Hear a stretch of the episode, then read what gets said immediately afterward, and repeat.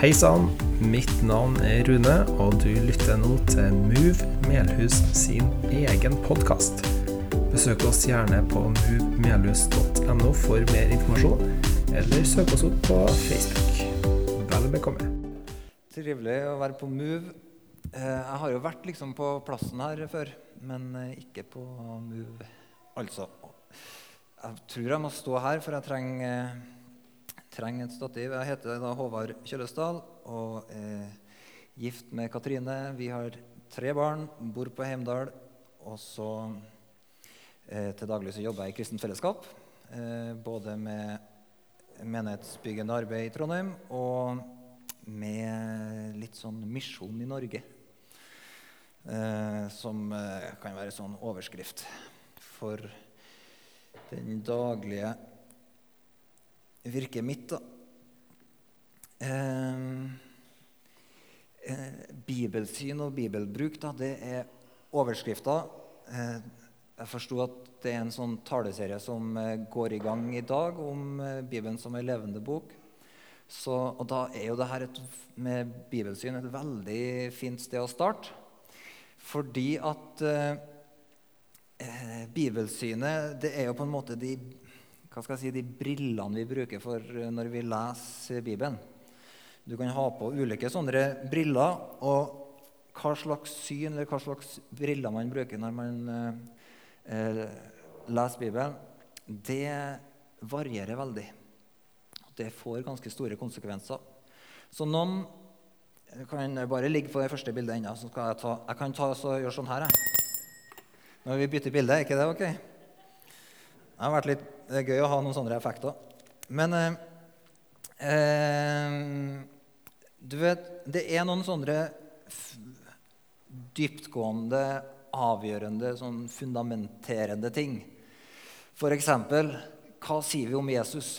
Det er en sånn pilar som avgjør hvordan alt vi bygger, blir. Eh, masse folk som har ulike meninger om Jesus, men som kristne så må vi vite hva vi sier om Jesus. Og hva slags evangelium er det vi forkynner? Det er en sånn annen avgjørende pilar for hvordan det vi bygger, ender opp hen. Og jeg tror òg at bibelsynet er en sånn helt sentral pilar i Guds hus, fordi det avgjør så mange ting. Så noen eh, plass, eller bestemmer på en måte bibelsynet sitt i lys av, eh, av eh, ytre faktorer. De, noen vil si eksempel at alt det som står i Bibelen her, som vi kan få bekrefta i andre historiske kilder, tror vi er historisk sant. Resten tror vi ikke er historisk sant. Eller alt det, den etikken som vi får bekrefta gjennom sunn fornuft, den holder vi oss til. Den bibelske etikken den tror vi på, men resten stiller vi litt sånn spørsmålstegn ved. Det er, noen, det er på en måte ett sett med briller. Da bruker man, eh, ser man på Bibelen bare utafra. Noen vil si at Bibelen ikke er Guds ord, men det inneholder Guds ord. Det vil si at Du finner enkelte tekster inni her som er Guds ord, men alt er ikke Guds ord. Ehm, Det er òg et sånt sett med briller, som betyr at du får en kjempestor jobb da, i å finne ut hva er det som er Guds ord og ikke. Eh, og de jobber med det ganske mye og lander på veldig mange forskjellige konklusjoner. Og så er det da eh, noen da som sier at, eh, at Bibelen inneholder først og fremst mennesker sine erfaringer og betraktninger om Gud og livet. Sånn at her er det masse folk som har erfart ting med Gud, men, og de har skrevet ned erfaringene sine og meningene sine. Og her har vi Bibelen. Men i dag så gjør vi oss nye erfaringer. Men Bibelen er nyttig. Så det, Nå nevner jeg en del sånne ulike bibelsyn som er veldig aktuelle og høyst oppegående i Norge i dag.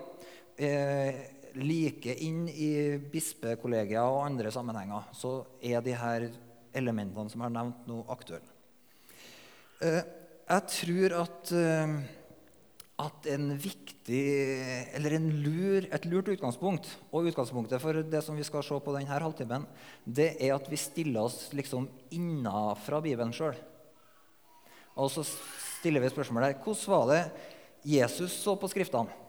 Hva mente han om dem? Og hvordan var det Paulus og apostlene så på Skriftene? Hva mente de om bibeltekster. Hvordan forholdt de seg til det? Så på en måte så hopper med det her som jeg skal til i dag, så hopper jeg bare en bukk over alle som har eh, ulike sånne meninger og tilnærminger til det her, og så stiller vi oss bare midt inn i Bibelen sjøl, og så ser vi på Bibelen med Bibelen sitt eget perspektiv. Jeg har veldig trua på det, for jeg tenker at uh, jeg tror nemlig at uh, det som står om Jesus her, er sant. Og så tror jeg at det han mener om Bibelen, det er kjempegod grunn til å liksom lytte nøye på. Så Det virka, det der. Skal vi ta, se på det første bibeltroskap på Jesusmåten? Dere skal få fire sånne skriftsteder nå som kan være litt til hjelp for oss til å, til å lande rammer på en måte for et bibelsyn basert på Jesus og apostlene. Det første vi skal se her, det er fra Lukas 24.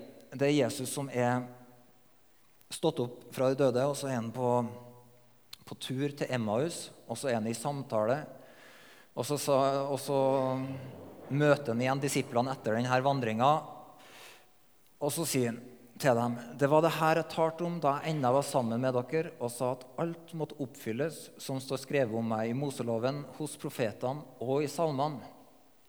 Så han sa at eh, det sto skrevet om han i Moseloven, profetene og salmene. Det betyr egentlig Det er en oppsummering av hele Skriften. Så han sa alle disse skriftene hadde ting som måtte oppfylles om han sjøl. De handla om han sjøl. Da åpna han deres forstand så de kunne forstå Skriftene, og han sa til dem slik står det skrevet Messias skal lide og stå opp fra de døde tredje dag, og i hans navn skal omvendelse og tilgivelse for syndene forkynnes for alle folkeslag. Dere skal begynne i Jerusalem. Dere er vitner om det her. Og se, jeg sender over dere det som min far har lova, men dere skal bli i byen til dere blir utrusta med kraft fra det høye. Så her oppsummerer en evangeliet og sier Messias skal lide og stå opp fra de døde tredje dag. og i hans navn skal omvendelse og tilgivelse for syndene forkynnes. Og så sier han alt det her står skrevet i Skriftene. Så det første han sier, er at alle Skriftene forteller noe om han sjøl. Og så sier han at hele evangeliet, som vi er kalt til å forkynne, dem mente Jesus var godt utlagt i Skriftene. Altså Moseloven, salmene og profetene. Der fant du egentlig hele evangeliet, ifølge Jesus. Ikke bare fant, men du kan finne det fortsatt den dag i dag. Og så, siden Matteus 23, eh, så peker han på, på et, et, annet viktig poeng. Så, så det, det, første her avsnittet det forteller oss to ting. Det ene er at skriftene, ifølge Jesus så handler skriftene om Jesus, og de handler om evangeliet. Hele Bibelen. Og Det neste vi skal se her, det er at han refser fariseerne for måten de leser Bibelen på. Han sier, 'Ved dere skriftlærde og fariseere, dere hyklere.' 'Dere gir tiende av mynte og anis og karve, men forsømmer det som veier mer i loven.' 'Rettferdighet, barmhjertighet og troskap.' Det ene burde gjøres, og det andre ikke forsømmes. Blinde veiledere som siler bort mygg, men sluker kamelen Det er jo en av de viktigste tingene Jesus sier. Det er jo litt sånn standup over det her. Men han sier altså at uh, i loven så er det noen ting som veier forskjellig. Ja, det, dere forsømmer det som veier mer i loven. Så På den ene sida merker vi at Jesus sier at, han sier at det ene burde gjøres, og det andre ikke forsømmes. Det betyr alt det var ikke noe galt å holde på med denne tienden. Det var rett. Det skal ikke forsømmes. Akkurat som eh, Rune var inne på her eh, tidligere i dag. Tienden må ikke forsømmes. Men når du leser Bibelen, så må du få tak i Guds hjerte. Det er ikke sånn at, at måte, de bibelske tekstene er en sånn eh, en lovtekst som der alt er like viktig. Men det er noen ting som som er liksom enda mer grunnleggende enn tiende, det er rettferdighet, barmhjertighet og troskap. Hvis du er så opptatt av tienden at du mister liksom rettferdighet og barmhjertighet og troskap av syne, da har du gått glipp av hele poenget. Så Jesus sier på ene sida han, hele Bibelen trenger vi å forholde oss til. Alle de her detaljene som fariseerne pekte på, det var sant og, og, og, riktig og viktig. Men eh, du kan ikke gi samme vekta til alt. Det er noen ting som er tyngre. Noen ting veier mer. Noen ting eh, handler om at det, det, ligger på en måte dypere, det er viktigere for Gud. Det er noen, det er noen ting som har en prioritet. Og det forteller meg at uh, Bibelen til syvende og sist leder hele tida Bibelen oss tilbake til Guds hjerte. Eh, når vi kommer inn i et forhold til Bibelen, så får vi ikke bare et forhold til en tekst, men vi får et forhold til en levende Gud. For han er liksom opphavet bak ordene i Bibelen. Vi blir ikke bokstavtreller, vi blir ikke lovryttere. Vi vi kommer med barmhjertighet, vi kommer med nåde fordi vi kjenner Gud. Og vi vil alltid lete etter Guds hjerte bak ting. Det er en veldig god ting når du leser de ulike skriftene i Bibelen. Så spør du alltid selv, hva er Guds hjerte, hva er Guds intensjon bak det som jeg leser nå. Så det var litt av Jesus. Og så kan vi ta neste Å oh ja, beklager. Der. Apostlenes syn på Skriftene. Og Da er det to avsnitt her av eh, Paulus. Det ene er fra 2. Timoteus brev. Ganske sånn kjent vers om bibelbruk, vil jeg si. Hvis det er liksom ett vers som er berømt for bibelsyn, så er det det her. Og det er da helt fra du var et lite barn, skriv til Timoteus, så har du kjent de hellige skriftene. De som kan gi deg visdom til frelse ved troa på Kristus Jesus. Hver bok i Skriften er innblåst av Gud og nyttig til opplæring, tilrettevisning, veiledning og oppdragelse i rettferdighet. Så det mennesket som tilhører Gud, kan være fullt utrusta til all god gjerning. Så han sier at de hellige skriftene kan gi oss visdom til frelse ved troa på Jesus Kristus. Det sa jo Jesus òg i det avsnittet som vi leste i sted. Og så sier han hver bok i Skriften, hver eneste bok, er innblåst av Gud. Altså den er innånda av Gud. Den kommer fra Gud, og den er nyttig til opplæring, tilrettevisning, veiledning og oppdragelse i rettferdighet.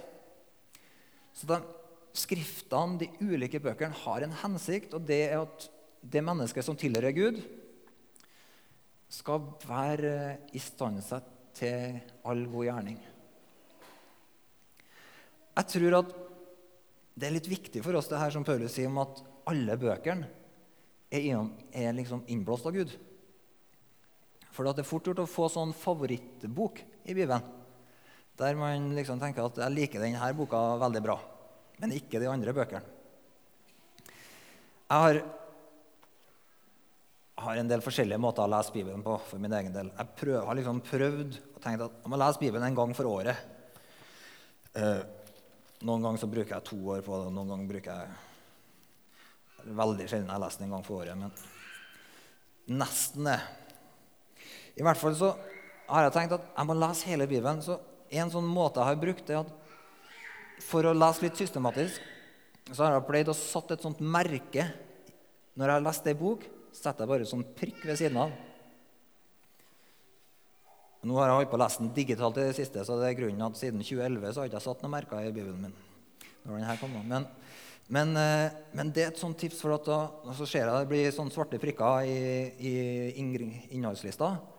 Og så vet jeg, når jeg setter meg ned og skal lese og er ferdig med ei bok i Bibelen, så tenker jeg ja, hvilken bok skal jeg lese nå? Ja, ikke en av de svarte prikkene. Ja, hvor hen skal vi hen nå? Og da er det liksom da er det sånn på slutten av året, og så blir det sånn Ja, nå er det sannelig Obadia sin tur. Han hadde ikke jeg kommet på meg sjøl, men han eh, er liksom hvit. Hvit flekk. Obadia. Og tredje Mosebok var hvit flekk Også. Da ble man litt så motivert med å begynne å ta, lære seg å ta noen av de her eh, som du ikke velger først, litt tidlig på året, så du har noe godt igjen i desember. liksom. Men, eh, så det er et tips. Men det som jeg merker da når, jeg, når de her ulike bøkene gjør ulike ting Jeg tenker jeg trenger evangeliene fordi at eh, jeg trenger å bli minnet på historien om Jesus. Jevnt og trutt. Jeg er veldig glad til fire av dem. fordi at i løpet av en sånn bibellesing så kommer du liksom tilbake til evangeliene flere ganger. Jeg trenger apostelgjerningene for å forstå at jeg ikke holder på med dette oppdraget i egen kraft. Og når jeg har vært litt for lenge i apostelgjerningene, så trenger jeg første Mosebok for å forstå at hallo, du er et menneske skapt til å ta vare på et skikkelig arbeid, til å stå på morgenen og til å ta vare på kona di og dyrke jorda og alt det som det handler om å være menneske, trenger jeg første Mosebok for å bli minnet på. Um, og så har jeg veldig godt av uh, slutten av første Mosebok og andre Mosebok og kongerekkene, bare for å huske på at Gud han jobber ikke med perfekte mennesker, men han bruker sånne som meg og deg. Og Guds plan går på en måte fram, ikke på grunn av, men på tross av oss. Eh, trenger jeg salmene for å be til Gud og oppleve at Gud ikke er en sånn glansbildebønnegud, men han er der på gode dager og onde dager. Og av og til, når jeg liksom føler, står opp om morgenen og føler at nei, det her det skjønner jeg ingenting av. Nå har jeg hatt eh, fire uker kan jeg tenke, med ting jeg ikke forstår. Da er det veldig godt å kunne plukke fram eh, Forkynneren. Så leser jeg Forkynneren, og så tenker jeg at han var jo den klokeste mannen som noen gang har gått på jorda, og han skjønte ingenting. Så leser jeg Forkynneren helt fra A til Å, og så etterpå så tenker jeg at han skjønte ikke bæret. Men han observerer med at eh, frykt Gud og nyt livet mitt i alt ditt strev. Og så tar jeg gjerne, da, når jeg er ferdig med Forkynneren, tar jeg litt eh, Pepsi Max og film. Og da tenker jeg at sjøl om jeg ikke forstår eh, hele livet, så Gud er glad i meg, og jeg kan frykte Han, og jeg vet det er liksom oppsummering av alt når du ikke forstår noen ting. Så de ulike skriftene gjør ulike ting med oss. Hvis vi bare er ett sted, så får vi liksom ikke tak i hele livet fra Gud. Men ulike skrifter gjør ulike ting. Og Paulus skriver I Romerbrevet 15 så skriver han i vers 40 alt som før er skrevet, er skrevet for at vi skal lære av det. Vi skal ha håp gjennom den tålmodighet og trøst som Skriftene gir. Er ikke det en kul måte å lese Bibelen på? Alt som før er skrevet, det er skrevet for oss. Det står det. Alt som før er skrevet, er skrevet for at vi skal lære av det. Og vi skal ha håp, så Skriftene gir håp, og de gir tålmodighet, og de gir trøst. Så det er en veldig, veldig god ting.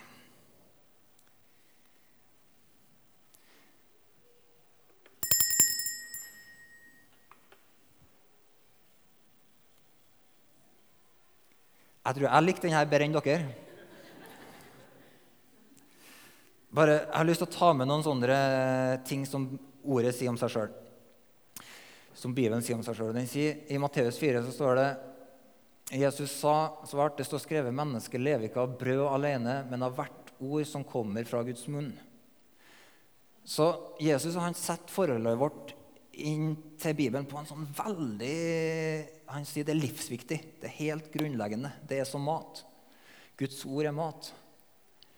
Ehm, det, er, det tenker jeg når Jesus sier det han, bringer, han setter jo av og til det her utsagnet i sammenheng med og med liksom eh, det her manna fra himmelen og sånne ting i ørkenen.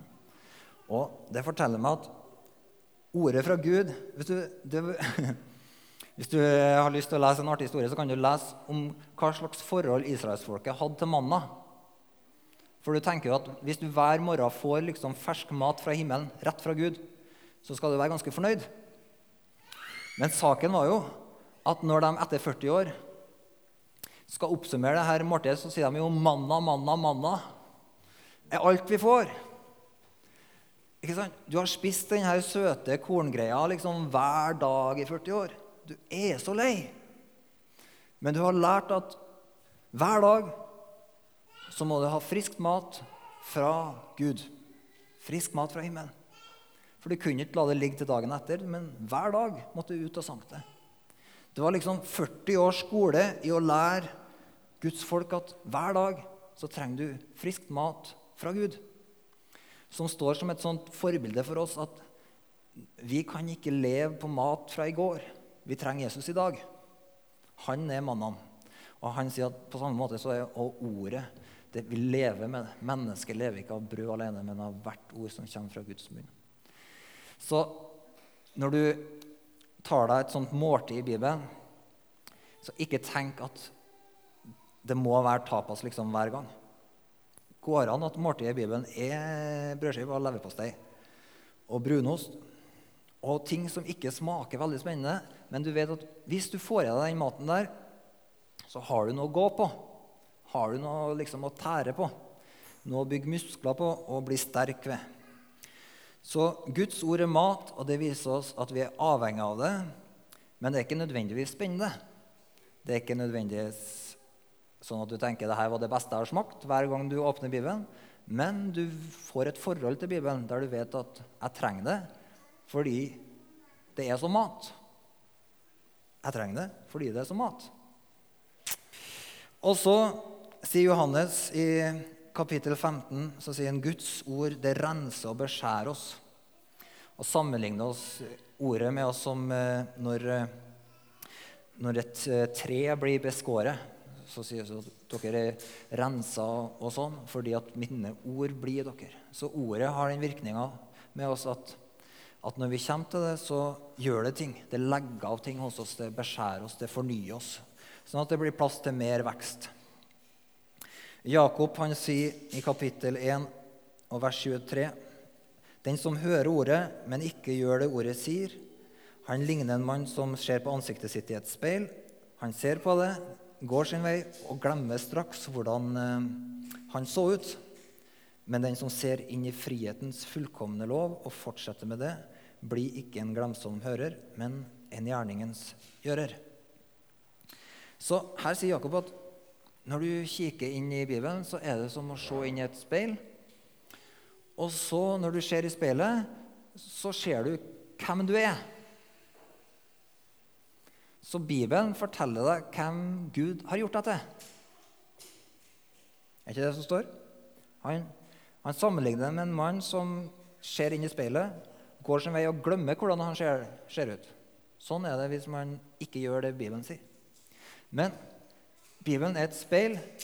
Det er et sånt uh, tryllespeil som da viser deg hvem du egentlig er. Så jeg kan tenke Hei, jeg er en uh, mislykka fyr som ikke har fått til så mye i livet mitt.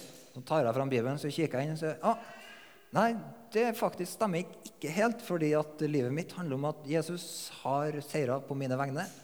Det betyr at uansett så er livet mitt vellykka. Samme hva som skjer.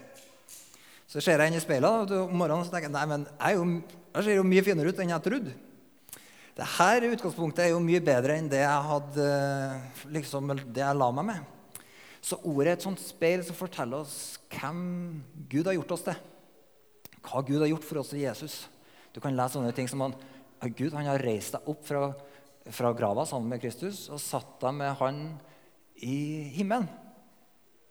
Så du ser inn i Bibelen og tenker jeg sitter i himmelen ikke det fantastisk? Jeg satt der med Kristus. Efeserbrevet 1.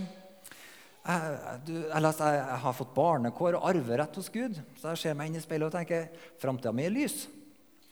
Ordet er et speil som viser oss hvem vi egentlig er. Når alle andre vil fortelle deg dårlige ting, og sånn, så kan du ta fram speilet og så sier du Nei, barnekår, arverett, velsigna, eh, nåde, barmhjertighet. Alt det her tilhører deg. Efeserbrevet 6 og vers 17. Ordet er åndens sverd. Er ikke det stilig? Så Den hellige ånd han ønsker å virke i hverdagen vår og i livet vårt. Og han trenger noe å arbeide med. Han trenger et sverd å svinge. Og når vi tar fram dette ordet og fyller oss med det, så gir vi Den hellige ånd noe å arbeide med inn i livene våre og inn i hverdagen vår. Ordet åndensverd det betyr at ordet gjør noe som ingenting annet kan erstatte. Du kan ikke putte inn Du kan ikke si andagsboka er åndensverd, eller eh, eller liksom morgenandakten på P1 er åndensverd, eller noe sånt. Nei, du må til det her ordet hvis Ånden skal få et sverd å arbeide med i din eh, hverdag. Og så har jeg notert et siste sånn gullkorn her fra Salme 119, som jeg liker veldig godt. og Det handler om at Guds ord er lys. Dine ord gir lys når de åpner seg. De gir uvitende innsikt. Er ikke det bra? Det tenker jeg, det er en veldig god ting at, at på en måte ordet Det fins noen ting inni ordet som inneholder visdom og innsikt fra Gud, som til og med når du er litt sånn enkel, naiv og uvitende, som meg f.eks., så kan du få tak i innsikt fra Gud. Og så virker det som, og Andre steder så sier salmisten at, at når ordene åpner seg, altså, så gir de innsikt. Så det, inni Guds ord så er det pakka inn Guds visdom og innsikt i ting. Og når du kommer til ordet, og Gud gir lys, så til og med den som er uvitende, han, han får innsikt. Så dine ord gir lys når de åpner seg. Så, så, Gud har tenkt at forholdet vårt til Bibelen skal være en sånn forhold der, der vi kommer til Bibelen, og så kan det føles litt stengt. Men så åpner han ordet. Og så får vi lys, og så får vi innsikt som vi ikke hadde før han åpna det for oss. Så da kan du tenke på denne Bibelen som en sånn pakke. Den er innpakka, og du trenger hjelp fra Gud til å åpne opp den. Det å liksom få åpna pakken.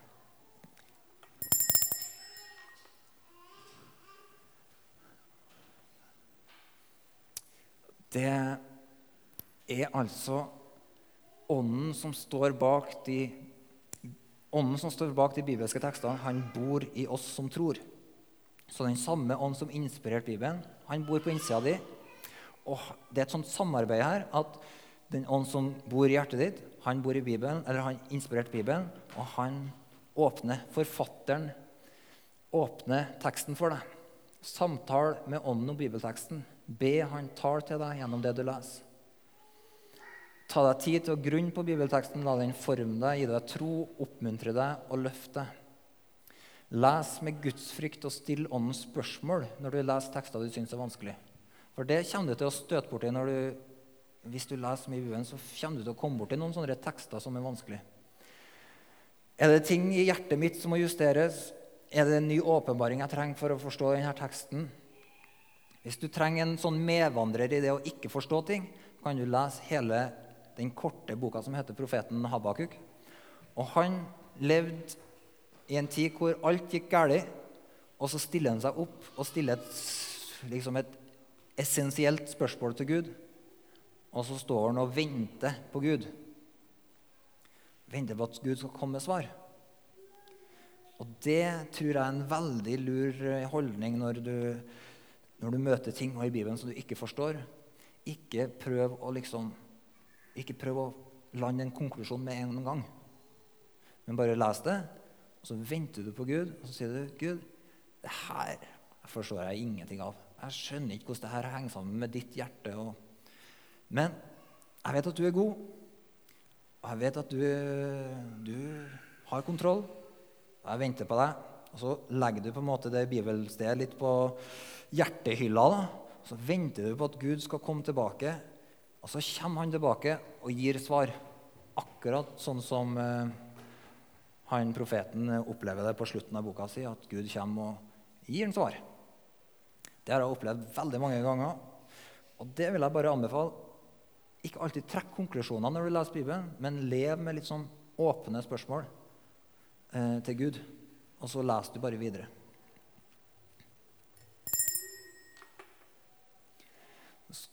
Da kan du faktisk ta enda et bilde. Skal du få det siste bildet mitt her. Og det er noen sånne praktiske lesetips. Fordi veldig mange kan oppleve at bibellesing det kan være litt sånn uh, utfordring. Så nå skal du få de her tipsene. Det er, ikke sånn, det er ingen revolusjon i de her tipsene, men det er gode tips.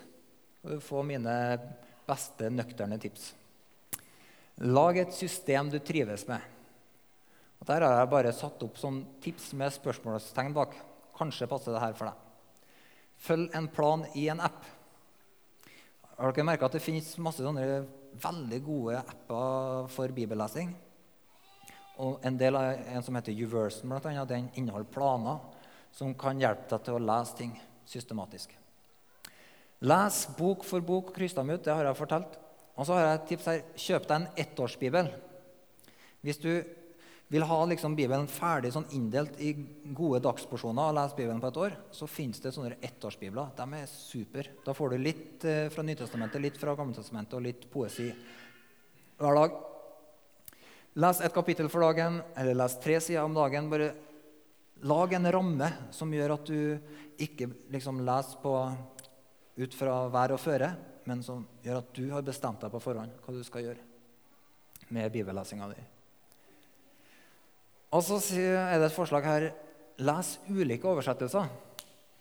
Og da er forslaget mitt at Når du leser Bibelen for å få oversikt over teksten, over de store linjene i Bibelen, så kan du lese sånne, det som kalles sånne meningsoversettelser, eller der, der de er opptatt av å få lette setninger og god tekstflyt. Det er én måte å oversette Bibelen på. Da oversetter de på en måte ikke ord for ord, men de prøver å få tak i essensen i en setning eller i et avsnitt, og så oversettes det på den måten. De er veldig fine for å bare lese store mengder tekst. Men hvis du skal fordype deg i en tekst, så er det bedre å bruke en sånn grunnteksten her. Den her, den fra Bibelselskapet i 2011, den er ganske sånn uh, god for fordypningslesning. Og så har jeg laga et forslag her kanskje forsøk deg på en engelsk parafrase. En parafrase det er en sånn som tar denne meningsoversettelsen helt ut, og egentlig bare en, sånn gjengi, en forfatters gjengivelse av teksten. Og Der finnes det en del på engelsk som er veldig sånn eh, Du får nytt lys over teksten. Det er en som heter The Message. Du har en som heter New Living Bible. Du har en som heter Passion Bible. Og den er sånn, Litt mer passion enn Bible, kanskje, men eh, fortsatt eh, nyttig hvis du ønsker å lese for å få nye innfallsvinkler på teksten. Bruk lydbibler.